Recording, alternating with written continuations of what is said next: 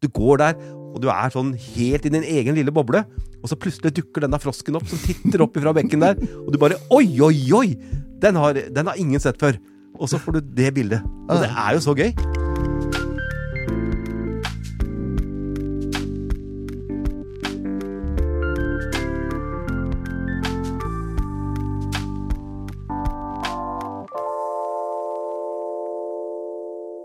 Hei, kjære ørevenner og seere. I dag skal vi snakke om makro i denne episoden av Fotopodden. Og til å hjelpe oss med det, så har vi fått naturfotograf Kai Jensen. Hei, hei. Velkommen, Kai. Hei, hei. Makro. Ja. Ja, du kan jo begynne. Hva er makrofotografering? Makrofotografering, det er eh, Ja, altså, vi har to betegnelser her. Vi kan jo snakke om nærfoto. Mhm. Da går vi ganske nær. Og så kan vi ta det helt ut på en måte én til én. Og vi kan fortsette med to til én. Det vil si at eh, objektet Hvis objektet er én centimeter, så tegner det én centimeter på sensoren. Og går du enda nærmere, så tegner det enda større på sensoren. Og her er det på en måte en uendelig lang reise man kan gjøre, da, og gå tettere og tettere på. Mm. Eh, og så er det da Dette passer jo liksom eh, til hver fotograf. Vi er forskjellige. Noen liker på en måte å være litt teknisk nerdete og jobbe da med veldig store forstørrelser. Andre syns det bare er gøy å krype rundt og gå tett på. Og da er det på en måte objektivet som begrenser liksom, hvor tett på du kan gå. Ja, For vanlig objektiv så kan du ikke gå så veldig tett på. Nei. Nei, Så da får du ikke ting sånn veldig Altså små ting veldig detaljert. Nei, så hvis du skal ha veldig små ting detaljert, så vil du gjerne dytte objektivet så tett på som du kan komme. Ja, nettopp. Ja. Så da bruker man spesialobjektiver. Ja, da bruker man spesialobjektiver, og ekte makro det er jo da én til én. Det vil si, som jeg nevnte, at eh, Så det er gjerne det man ser etter hvis man ønsker å komme veldig tett på. Men du kan jo bruke andre ting enn eh, spesialobjektiver. Du kan Ja bruke mellomringer og belger og forsatser og Omvenderinger omvenderinger og Ja. Det er så mye som du kan bruke at uh, Og da har jeg lyst til å trekke fram to makrofotografer som man kan gå inn og se på. Det er Jon Holmén, som er fantastisk eh, makrofotograf. Han jobber i dette ekstreme området med makro, hvor du da har store forstørrelser og får fram detaljer. Han har hatt masse for, øh, forelesninger og forskjell om dette her. Og det er utrolig å se sånne små dyr hvor du ser håret og øyet. De ser ut som kjempemonstre. Ja. Helt utrolig. Og han er jo sånn teknisk nerd, så han tar det jo helt ut på dette her. ja, nettopp. Ja. Og så har du den andre siden, ei som heter Anna Ulmestrand. Verdens blideste makrofotograf. hun er bare ei fantastisk trivelig eh, dame, og hun er helt på andre siden. Når hun eh, sier at hvis noen spør meg hva slags kamera jeg har, så sier hun at jeg har et kamera, og jeg har et makroobjektiv. Det er det jeg har. Ja, men Det er jo egentlig det som er viktig. Ja. Men dette her er jo en såpass teknisk øvelse at selv om kamera kanskje ikke er så viktig, så er jo hva du setter foran, er jo ganske viktig. Kan, kan du si litt om forskjellen på å bruke et makroobjektiv, en mellomring, en belg, en omvender eller en forsatslinse? Ja, altså eh, Forskjellen, eller man sammenligner dette, så er det jo egentlig bare at man gjør objektivet i stand til å kunne komme tett på. Det er jo på en måte hele greia. At du har et objektiv som du på en måte ikke kommer tett på, og så gjør setter du på noen sånne remedier, sånn at det objektivet kan komme litt tettere på. Eh, kort fortalt. Men så er det vel sånn at et vanlig objektiv er jo ikke alltid optimalisert for å være på sitt beste på den korteste fokusavstanden. Nei. Og derfor så er det ikke alle de som er så gode, kanskje, selv om du setter på en mellomring. For eksempel, da. Det er jo veldig lett å sette på mellomring, for det er jo bare en metallring. Ja, som er gjerne i noen tilfeller overfører signalene også. Det er en smultring som gjør at du får flyttet det lenger ifra. ja, Ja. Som gjør at du da får en kortere fokusavstand. Ja. Og jo flere eller breiere mellomringer, jo nærmere kan du komme. Ja. ja. Men hvis objektivet ikke er så bra, så hjelper jo ikke det. Mens makroobjektiver er vel laget spesielt for å være spesielt skarpe på korteste fokusavstand, er det ikke det? Jo, det er helt riktig. Ja. Ja. Så, så når, vi trekker, når jeg nevner disse to personene, da, så er det slik at Anna hun, hun kan bare krype ut i enga og bare jakte på mot, eh, motiver. Og hun leter ikke nødvendigvis etter insekter, men det er form, linjer, farger og hele det spekteret der. Og, og det er jo helt magisk å kunne bare gjøre det. Mens øh, Jon igjen, han øh, er mer på den eh, finne fram et insekt og jobbe da med å få stacka. Og han tar kanskje da 50-100-200 bilder som han da stacker sammen for å få dette, denne dybdeskarpheten. Ja. Og det er jo Da kan du liksom få ansiktet til et insekt. Ja. Vi syns jo marihøner for eksempel, er veldig søte helt til vi ser et nærbilde av ansiktet på dem. Ja, Da er de ikke så veldig søte lenger. Ja, nei, det er helt, det er helt uh... Og så er det litt med denne tilnærmingen til makro også. Uh, dette her med å sette seg litt i en sånn modustilstand før du går ut og tar makrobilder. For det er litt sånn at uh, dette handler litt om følelser. Dette med å ha på en måte noe å formidle. Vi tar bilder med kamera, men skal du på en måte få gode bilder, så holder det ikke med å ta bilder. Du må på en måte da også skape bilder. Du må på en måte komme noe fra deg selv, noe innenfra. Sånn at du må være litt i det moduset når du skal ut og ta bilder. Og på en måte nesten ha et sånt kjærlighetsforhold til det å komme ut der og ta bilder. Og så er det et smart triks. Det er jo det at man finner sånne jordbærsteder, steder hvor man kan vende tilbake til. Hvor man på en måte blir kjent med lyset. Har du en liten blomstereng, har du en liten flekk i hagen, har du noen sånne spotter, så kan du alltid dra dit, og du vet hva du finner. Og det er et veldig smart triks hvis du har en liten flekk i skogen hvor du vet at her er det lyset sånn og sånn, og det stadig dukker opp noen insekter, så kan du jobbe på, på det. Så det er et godt tips. Men du trenger jo ikke begrense deg til insekter eller blomster. Du kan ta bilde av snøkrystaller eller Snøkrystaller. gamle mynter eller frimerker eller Ja, ja, ja. Alt Altså- som er. Ja. Ja, så det er liksom uh, Alt mulig kan du ta bilde av med makro. Og så er det det at du reis, trenger ikke å reise lange veier. Du finner det enten inne i stua, eller du kan gå utafor døra og ut i hagen. Så du har motivene overalt. Mm. Men, og, og det, er jo, det er jo mye som egentlig som vanlig fotografering. Du sier du må liksom inn i modusen, og du skal gi noe av deg selv. Ja, det Det er er jo det. bare, egentlig så er det bare størrelsen på motivene som skiller det fra alle andre typer bilder. Du er fortsatt avhengig av linjer og farger og lys og historie Ja. og alt det som gjør et godt bilde til daglig. Ja. Så, så det er jo ikke noe hokus pokus med dette her. Nei. Og for eksempel, jeg var ute i går og tok bilder. Og gikk langs en elv og bekk hvor det var isformasjoner. Og jeg gikk der og kikka, og jeg kikka, og plutselig får jeg se en frosk. Mm.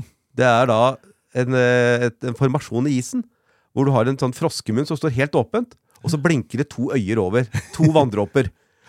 Så den hadde da munn og øye, og så, og så du, du fikk da Oi, oi, oi! Jeg tok sikkert 100 bilder av den der eh, isformasjonen der. Det var helt fantastisk! Og jeg var bare helt åhåhå! Så det, det er så gøy. Og det, og det er liksom det å finne disse skattene. Du går der, og du er sånn helt i din egen lille boble. Og så plutselig dukker denne frosken opp som titter opp ifra bekken der.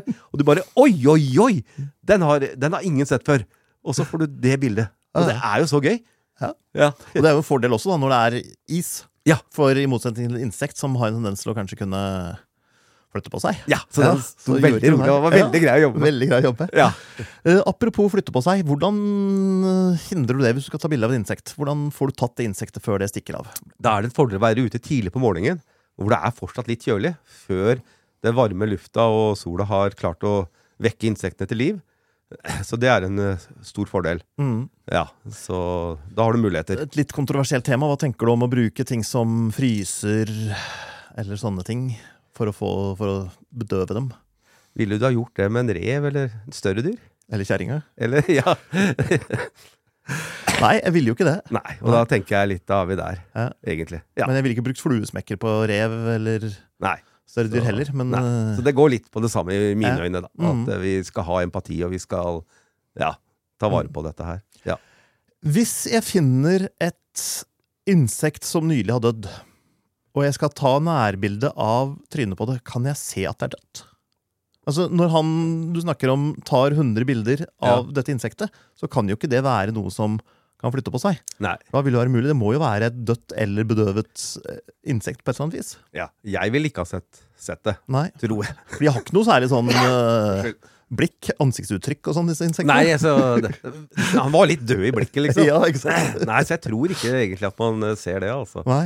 Er de gamle, så vil det sikkert være slitt og spist Ja, opp litt noe. Men, støv og støvet og litt sånn. Ja, Men uh, det må nesten en sånn insektfyr. ja, så det, det, er et, det er et triks, da. Skal du ta bilde av insekter, så kan du egentlig ta bilde av et dødt insekt. Ja, og hvis det ikke er helt stivt, så kan du plassere det sånn som du vil, Ja, og så ser det Hvis det er fylt av hybelkaniner og sånn på det, så er det Det blir ikke helt det samme. Nei. Hva trenger du, da? Altså, du trenger et objektiv. Jeg antar at du trenger et stativ. Nei. Nei. Du trenger ikke stativ. Så veldig mye av eh, Jeg, bruker, bruker sjelden stativ, faktisk. Og eh, nå som vi har fått dette objektivet med, med to ganger forstørrelse, Da Mm. kan jeg kanskje begynne å snakke om at vi kanskje bør bruke et stativ. Ja, eller hvis du skal ta 100 bilder og stacke. Ja, Eller 100 bilder å stacke. Da må du ha stativ. Ja. Ja. Men jeg stacker faktisk alt på frihånd med kamera. Da er det 15 bilder som kamera stacker, og gir meg en ferdig JBEG-fil. Så det er eh, Ja, for det er enkelte kameraer som har fokusstacking. Enkelte Så du kan egentlig bare sette på fokusstacking, trykke ned utløseren, og så flytter den fokusen mellom to predefinerte Ja. områder. Ja. Det er to typer. eh, Det er fokus bracketing, og Mm. så har du fokus stacking. Ja, Den må du forklare forskjellen på. Ja, det skal jeg gjøre. Fokus bracketing. Da kan du ta opptil 1000 bilder, hvor kamera bare lagrer bildene etter hverandre på minnekortet, og flytter fokus automatisk. Men du må da bruke et program, Serena Stacker eller noe annet, og stacke bildet sjøl etterpå. Ja. Eh, Med fokus stacking så får du en ferdig stacka fil, og da med Olympus eller OM System så er det da 15 bilder, altså eh, 15 punkter, Mm. som han stacker.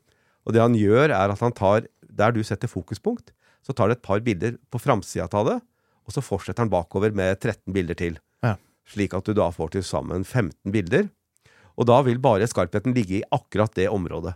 Ja, nettopp. Og avstanden mellom de punktene som du setter, er ganske enkelt. Fordi har du 3,5 i blender, så må du kanskje ha en avstand på 3 eller sånt, noe 2 eller 3. Mindre avstand. Og hvis du har større blender, så kan du ha litt større avstand. Mindre blender, mener du? Altså større blendertall? Ja, ja, ja. Ja. Sorry. Ja. ja. Mm. Helt riktig. Ja. Så, så da, og da ser du det også når du har tatt bildet, at det, det sitter, at det, overgangene er fine. Ja. Ja.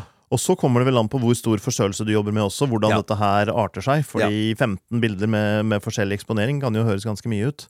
Men når du har arbeidsavstand på et par centimeter, Ja. så eh, har du en dybdeskarphet som er gjerne fort på submillimeternivå. Ja, ja, ja, Og da, Ja. da skal du vite hva du driver med likevel. ja. Det er ganske fantastisk. Det var en tidlig søndag morgen jeg var ute, og så fant jeg en sånn uh, halvsløv humle som satt og hang borti blomsterbuskene der. Og stakk kameraet opp i nesa på den og kjørte fokusstacking. Og du fikk liksom hele det der humletrynet helt skarpt, altså. Ja. Det er ganske magisk når du da eh, holder på med dette her. Og du kan gjøre det håndholdt. Du kan liksom bare tusle rundt og så ta opp kameraet og så ta en stacking. Ja. Det er så befriende og fint å jobbe med. Bruker du autofokus på sånt, eller bruker du bruker håndfokus? autofokus, Du bruker Ja. autofokus, ja. Ja. Eh, noen ganger, og litt, litt avhengig. Det som er fint, er jo det at det på disse kameraene nå, så kan du sette opp kamera sånn at du kan overstyre autofokusen. Mm. Det vil si at du først bruker autofokusen for å få objektet skarpt, altså humla skarp. Da slipper du liksom også å dra manuell fokus veldig langt. Og så kan du da finstille med fingertuppen og legge akkurat fokus der du vil. Og da skrur du på noe som heter peaking i kamera. Og det vil si at da automatisk så får du røde streker i det området som er i fokus. Rundt sånne kontrastområder. Ja. Ja. Mm. Sånn at det, når jeg står der foran den humla, jeg har stilt skarpt på den, og har humla skarpt på fokusen, så ønsker jeg at fokus skal ligge på den forreste kloa på forarmen til humla, Eller hva det heter. Ja. eller hva det heter. Ja. Og da tar jeg bare fingeren på manuell fokus, Mm. skrur litt på den, og så ser jeg det plutselig begynner å lyse rødt der. Da vet jeg at det fokus ligger akkurat der. Mm. Men du har jo som jobb å vite da hvor mye som blir skarpt foran og bak. Ja. Men når det kommer en stakkars amatør, Ja. eh, sånn som meg, som har andre ting å bruke dagene mine på, Ja. så vet jeg jo ikke det. Men du har jo, du har jo på veldig mange kameraer så har du en funksjon hvor du kan se dybdeskarpheten Ja. i bildet. Og den er vel veldig nyttig når du tar makro. Ja, den kan være nyttig når du tar makro. Absolutt. Så, men jeg vet ikke om du får forhåndssett etter at du har tatt eh, 15 bilder. Nei, ikke på 15 bilder, Nei, men hvis hvis du tar ett bilde. Ja, så, men, eh, så, så, men den stackingen den hjelper deg veldig. Mm. Fordi at om du bommer litt, så tar den som sagt et par bilder foran Ja. Og bakover. ja, nettopp. Så du har dette store skarphetsområdet. Ja, riktig. Så da fungerer det. Ja, så det er veldig, veldig enkelt å jobbe med det. Ja, Og bare... fantastisk morsomt. Mm. Og så er det jo det at uh, vi, er vi er så sløve. Vi har fantastiske verktøy, fantastiske kameraer. Og så er vi så sløve at vi rett og slett ikke bruker de funksjonene som er i kamera. Mm. Hvorfor i all verden skal du gå inn i en meny og hente opp fokusstacking, selv om det er ganske enkelt, når du kan aktivere den med en hurtigknapp på kamera? Mm. Du kan legge den hvor du vil. Ikke sant? Og så kan du sette da custom-funksjoner, la oss si custom 3 eller custom 1, at dette det er makroinnstillinger. Så når jeg er i den custom 1 eller sånt nå, så er det makroinnstillingene på mitt kamera. Og da vet jeg at jeg har fokusstacking på f.eks. pluss-minus foran. Når jeg trykker ned den, så aktiverer jeg fokusstacking. Ja. Trykker den av, så deaktiverer jeg fokusstacking. Mm. Ikke noe inn i noen meny. Og da har du allerede gjort en forhåndsinnstilling på fokusstacking. Du har satt at avstanden skal være 3 millimeter, eller 3, og at du skal ha 15 bilder. Mm. Og det holder til all den fotograferingen du gjør da Ja. på den. Så sånn sett så kan man veldig enkelt jobbe. Og i tillegg så er det dette her med fokus, eh, sette manuell fokus, at du har den peakingen, at du setter opp disse her med manuell fokus assist, er det det heter, hvor du setter opp dette med peaking. Mm. Da får du også opp et forstørrelsestegn på uh, displayet når du skal uh, manuelt fokusere. Du ser en liten blomst, og du ser en fjell. Og det er veldig til god hjelp når du skal uh, manuelt fokusere, og se at du faktisk har mer før du er inne på, helt inn på full zooming inn på manuelt fokus der. Mm. Så, så det er veldig fine funksjoner å sette seg litt inn i akkurat det. Mm. Hvis man ikke har disse funksjonene i kamera, så har det jo Trikset har jo vært å blende ned. Bruke en liten blender. Ja. Men det er jo litt begrensninger der også, både med tanke på lys og på ting som diffraksjon. Ja. Kan du si litt om hvilke implikasjoner det har, og hvilke områder man bør befinne seg eller jobbe i, helst? Ja, altså det handler litt om hvor nær du er objektet. Eh, Jo mer du trekker deg litt unna objektet, så vil jo også forgrunn og bakgrunn bli mer tydelig. Og når vi er så tett på objektet, så har du uansett så lite dybdeskarphet at det å blende ned, det hjelper egentlig veldig lite. Akkurat. Det eneste du oppnår, er at du, blenderen blir så liten at du får diffraksjon. Ja, som, er, at- ja, som, som rett og slett er en sånn brytning av lyset som gjør at bildet blir mindre skarpt. Ja, egentlig. ikke sant? Ja, blenderen, du- det blir så lite at det Mm. Ja. Sånn at uh, for å omgå det, så bruker vi da fokus stacking. Da bevarer vi den separasjonen hvor bakgrunnen er helt uskarp, og forgrunnen er helt uh, uskarp. Mm.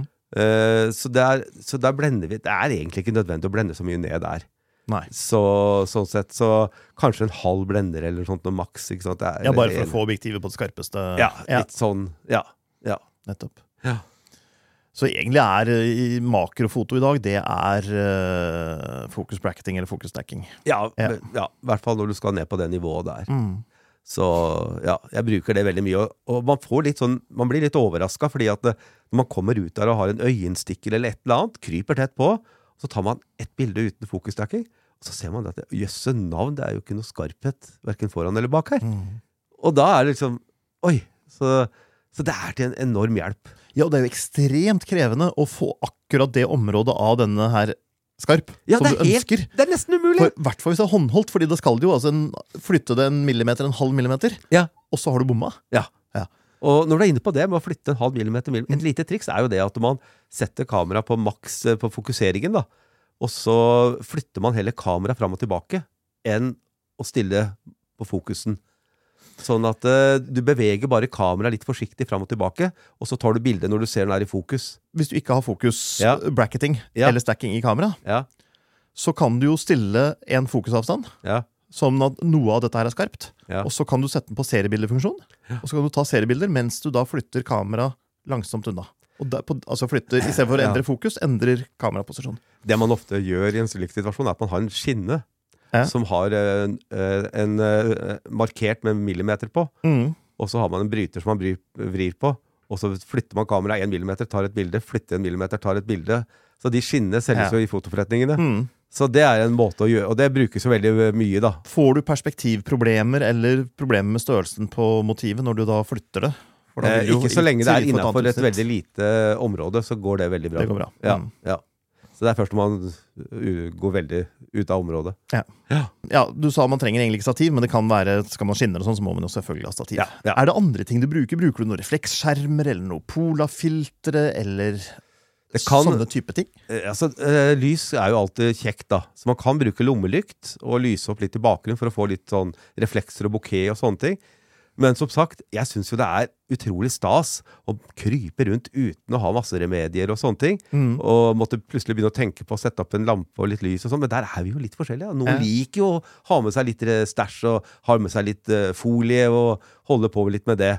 Eh, mens det å bare krype rundt og jobbe med form og linjer og sånt, nå er jo kjempespennende. Men som klar, sagt, du kan ha med deg en liten folie som du bruker til pizza, steke pizzaen på, eh, som du da reflekterer litt lys med. Så den kan du bare krølle da, og så plassere litt eh, under motivet for å få opp litt mer lys. Så til dere som bruker pizzastein, så gjør ikke det samme nytten. Altså, det er aluminiumsfolie vi trenger her. Det finnes objektiver som har én til to, én til én, to til én, fire til én, fem til én. Min erfaring er at jo større forstørrelse blir, jo vanskeligere blir denne jobben. Det er veldig sånn fristende. Å, 5 til 1 er jo kjempekult! Og så begynner du å jobbe, og så blir det ikke bra.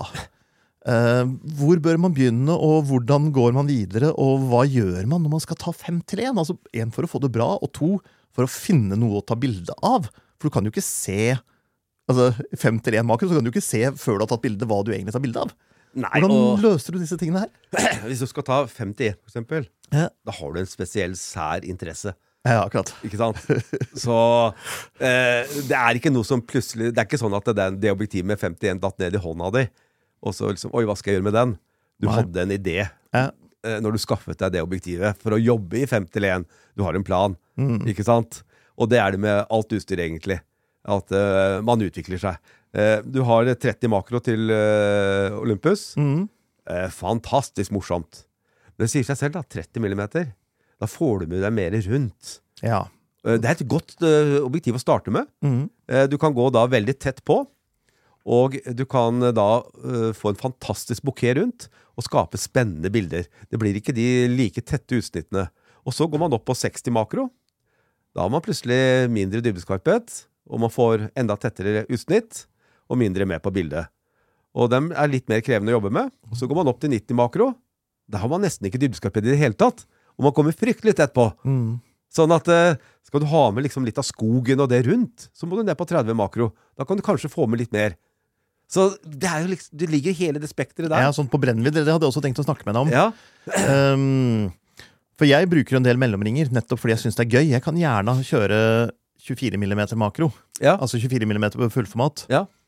Uh, og syns det er veldig gøy å kunne få de perspektivene det gir Ja. når du går så nær og får bakgrunn samtidig som du får en stor forstørrelse. ja, det er kjempespennende. Det er veldig artig. Mm. Eller jeg har også kjørt 400 mm makro. Ja, ikke sant? Så Og det er to helt forskjellige verdener. Ja. Og, og sånn at eh, du vet litt hva du går til når du har en 400 makro, eller du, du har en 30 makro, så vet du litt hva du går til, mm, og hva du kan forvente. Så det er litt der det ligger, da. mm. Ja. Men hvis vi skal holde oss innafor de normalområdene, da, sånn type fra, fra litt under 1 til 1 og opp til 2 til 1, ja. så er det jo ganske greit å jobbe med, vil du ikke si det? Jo, det er veldig greit. Ja, Og da ser du jo stort sett Ja. det du tar bilde av. Ja. Ja. det er helt klart. Så, så det er der man bør begynne i det området. Ja. Ja. Men hva tar du bilde av med 5 til 1, da? Med 5 til 1-makro, hva er det Nei, Det har jeg aldri brukt, så det vet jeg ikke. Nei, ikke sant? Ikke jeg heller har klart å få noe fornuftig ut av det. nei, så, så jeg tenker den eh, to til én som eh, har kommet nå fra OM System, den eh, er jo litt snillere sånn sett. Mm. Og hvis du bruker det med stacking, så kan det dukke opp eh, mye spennende i det, den søkeren der, altså. Ja. Det er helt klart. Og så er det jo sånn at de fleste kameraer i dag har ganske mange piksler. Ja. Så og du trenger jo ikke alltid alle sammen. Nei. Så vil du ha mer forstørrelse i etterkant, så kan du jo beskjære bildet. Og få Ja, ja. altså, masse detaljer. Ja, ja. Hvis du får tar et makrobilde på 2 til 1 og forstørrer opp til 100% på en skjerm, Ja, ja. så ser du jo ting du aldri har sett før. ja, da gjør du det. Det er helt uh, magisk. Jeg lekte meg litt med det en gang med en, en mynt. Det var en helt vanlig norsk tikrone, men den hadde jo vært i sirkulasjon, så den hadde jo uh, merker etter å ha levd et liv. Ja. Og tok bilder av ting som jeg aldri har sett på den mynten før. Altså Både ting som skal være der, og som selvfølgelig er kommet av, av riper og slitasje. Men jeg kunne vise den til folk og spørre hva er dette bildet av, og de kunne ikke si hva det var bilde av. Sier du det? Mm. Ja, Det er spesielt, da. Ja. ja. ja, nei Og dette med makro er jo på en måte Dette med å, å gå inn i en sånn uh, Du går inn i en sånn liten boble. Jeg husker en uh, morgen jeg var ute på Krokskogen og fotograferte blåveis igjen, og lå på maven og jobbet med den blåveisen og var veldig opptatt av å få skarphet og alt til å stemme. Så løfter jeg blikket litt, og så ser jeg det kommer et rådyr tuslende ut av skogkanten. Og jeg bare Oi, oi. Og jeg lå helt stille, og den kom nesten bort. Oi. Så den liksom lurte litt på hva det var som lå der. Så når du ligger der, så kan det skje mye mye spennende. Altså. Og man er liksom helt i sin egen verden. Ja. Og, og da er det jo fordel å ha et makroobjektiv i stedet for mellomringer. Ja. For med mellomringer så mister du jo uendelig fokus. Og det gjør du jo med belg og alle disse andre også. Ja, ja, ja. Men med et makroobjektiv så har du også uendelig fokus. Ja. Så da kan jo du løfte kameraet, Ja. og så får du Ja. rådyret. Det hadde man ikke fått med de andre, da. Nei. Nei. Så Ja, for vi er jo ofte opptatt av store ting. Å, se elgen. Se Ja. ørna. Ja. Eller er du på reise, se turistattraksjonen. Se Ja. Eiffeltårnet. Ja. Men det er jo en Det er jo morsomt å gå ned i de bitte, bitte, bitte små tingene. Ja. Og være opptatt, I stedet for å være opptatt av en storby med ti millioner mennesker, Ja. være opptatt av en flekk av hagen på 10 ganger, eller 20 Ja. ganger 20 cm. Vet du hvem som var den første som uh, introduserte det til fotografiet? Nei. Elliot Porter. Ok. Ja, amerikansk fotograf. Og han eh, lanserte begrepet 'intimate landscapes'. Mens Ansel Adams og de store var opptatt av de store Ja. vyene, så rettet han kameraet ned mot bakken og tok bilde av steiner, røtter Ja. og bregner. Dette var på 40-tallet. Det er. Og fantastiske bilder. Og da var det på en måte Det, det, det var liksom ikke vanlig å gjøre det. for Man skulle ha de store landskapene. Mm. Og da begynte man å gjøre dette her med intimate landscapes. Ja. Og, og det er jo et godt tips. at eh, hvis, Det vi, jeg ofte sier på fotokurs, er jo det at hvis himmelen er kjedelig og grå og ikke tilfører bildet noe, så vend kameraet ned. Ja. Så, og begynn å jakte på de intimate landscape. Mm. Ja. Og i undervannsfoto så bruker man jo veldig mye. For det er grenser for hvor mange fisk og skilpadder det er Ja. interessant å ta bilde av. Men når du går ned på makronivå Ja. under vann, Ja. så er det jo ting man aldri har sett før. Ikke, ikke fordi du ikke kan se dem fordi de er for små, men fordi du veldig sjelden går ned der Ja, ja. og ser. Ja. Og da ser du, da er det en helt ny verden som åpner seg. Og Ja. det er det jo egentlig i en blomstereng også. Ja. For det er, etter man var seks år gammel, så har man jo ikke rulla seg så mye rundt der og sett på alle de rare tingene og løfta på steiner og Nei. Nei. Så det er jo litt som å bli litt barn igjen, er det det? Ja. Og et lite tips når man jobber med makro, er jo dette her med å bruke manuelt fokus. Og så har du da stilt det skarpt på fokusområdet, og du bare beveger kamera for å finne fokuspunktet.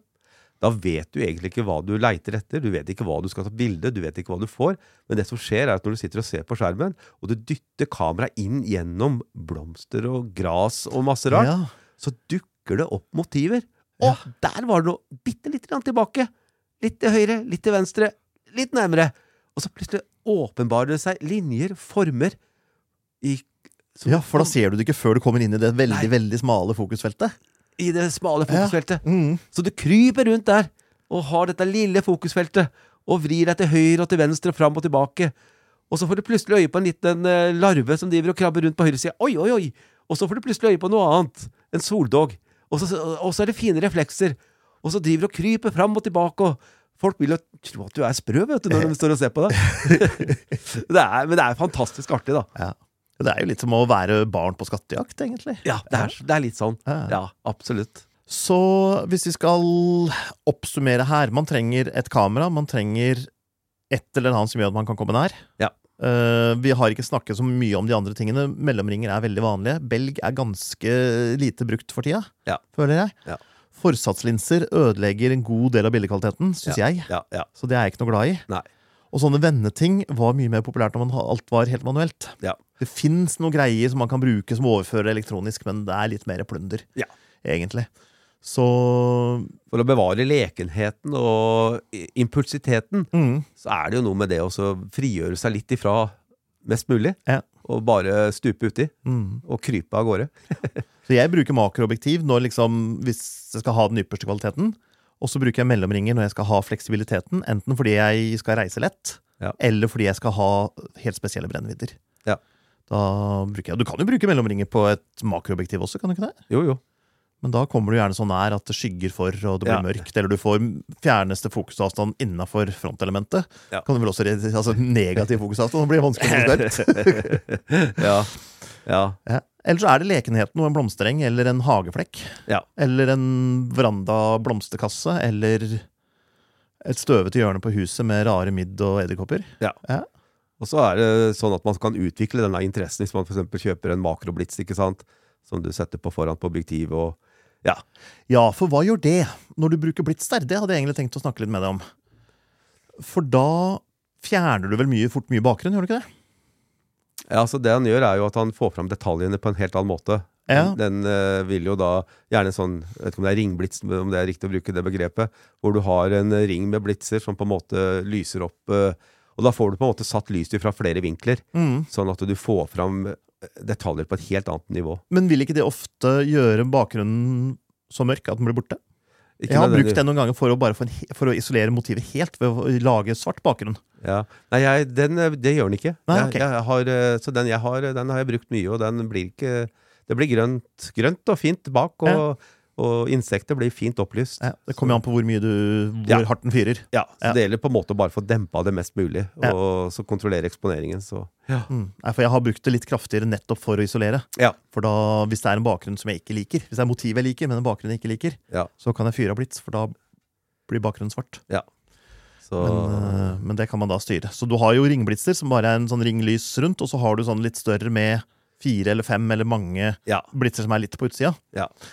Eh, Eller så kan du jo ha med deg en liten LED-lampe og plassere sånn som du ønsker. Ja eller, ja. Mange har jo da en sånn liten krokarm som du fester den på, så du kan posisjonere blitsen akkurat der du vil ha den. Ja. Eh, Du kan bruke en lommelykt og lyse opp en sopp, f.eks., underfra, mm. og få litt glød i den. Mm. Så her er det egentlig Og nå finnes det jo veldig små sånne lamper som du kan gjemme i terreng. Og, gjemme i sånn terreng og Ja. veldig mye spennende man kan gjøre der. Mm. Og jeg syns folk er utrolig kreative. Jeg syns det er fascinerende å se. Og hvordan eh, mange er utrolig kreative på akkurat det der med å bruke lamper, bruke lys. og Det syns jeg er kjempegøy å se. For det er jo ofte det som skiller et godt bilde fra et, et dårlig bilde. Altså, kan du si at Hvis lyset er dårlig, så, så pek kameraet nedover. Men ting du fotograferer nedover, det er Ja. også bedre med riktig lys. Ja da, absolutt. Og naturlig lys kan være fantastisk fint, Ja, ja. men du har jo ikke kontrollen. Nei, det er jo ikke det. Så det er jo litt fint å ha med noe som gjør at du kan ta kontrollen. Ja, absolutt. Så da har du blitt, Og blitt kan være nyttig, men det er kanskje ikke det første man kjøper. Man kan kanskje begynne med et makroobjektiv. Ja, jeg vil si det at uh, finn gleden med fotograferingen. Finn gleden med å være ute med makro, og det å være på skattejakt. Mm. Og, og så ta med deg lekenheten.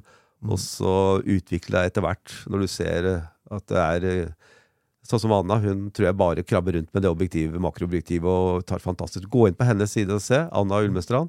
Fantastisk. Mm. Ja. Vi kan legge lenke til det under Det- videoen, i hvert fall, for dere som ser det på YouTube. Ja, det må dere gjøre, altså, for det er, eh, det er Hun finner sånne vesener, og det er figurer, og det er liksom Bare what? Ja. Det her er mye fantasi man kan bruke også. Ja, det er liksom Ja. Så det, så det er liksom ikke sånn at man leter etter det konkrete. Det er kanskje mer å lete etter det abstrakte. Mm. eh, Sånn som den frosken. Ikke sant? Mm. Og så- Og så kan du glemme resten av verden. Ja. Du kan glemme kriger og elendighet Ja. og egne problemer. Ja. Fordi du fokuserer på bitte, bitte små enkeltdetaljer. Ja. Det kan være nyttig, det òg. Mediativt. Med, mm, meditativt. Ja. Jeg syns det var kloke ord på slutten. Ja, Husk, bra. Hvis spillene dine ikke er gode nok, så er du ikke nært nok.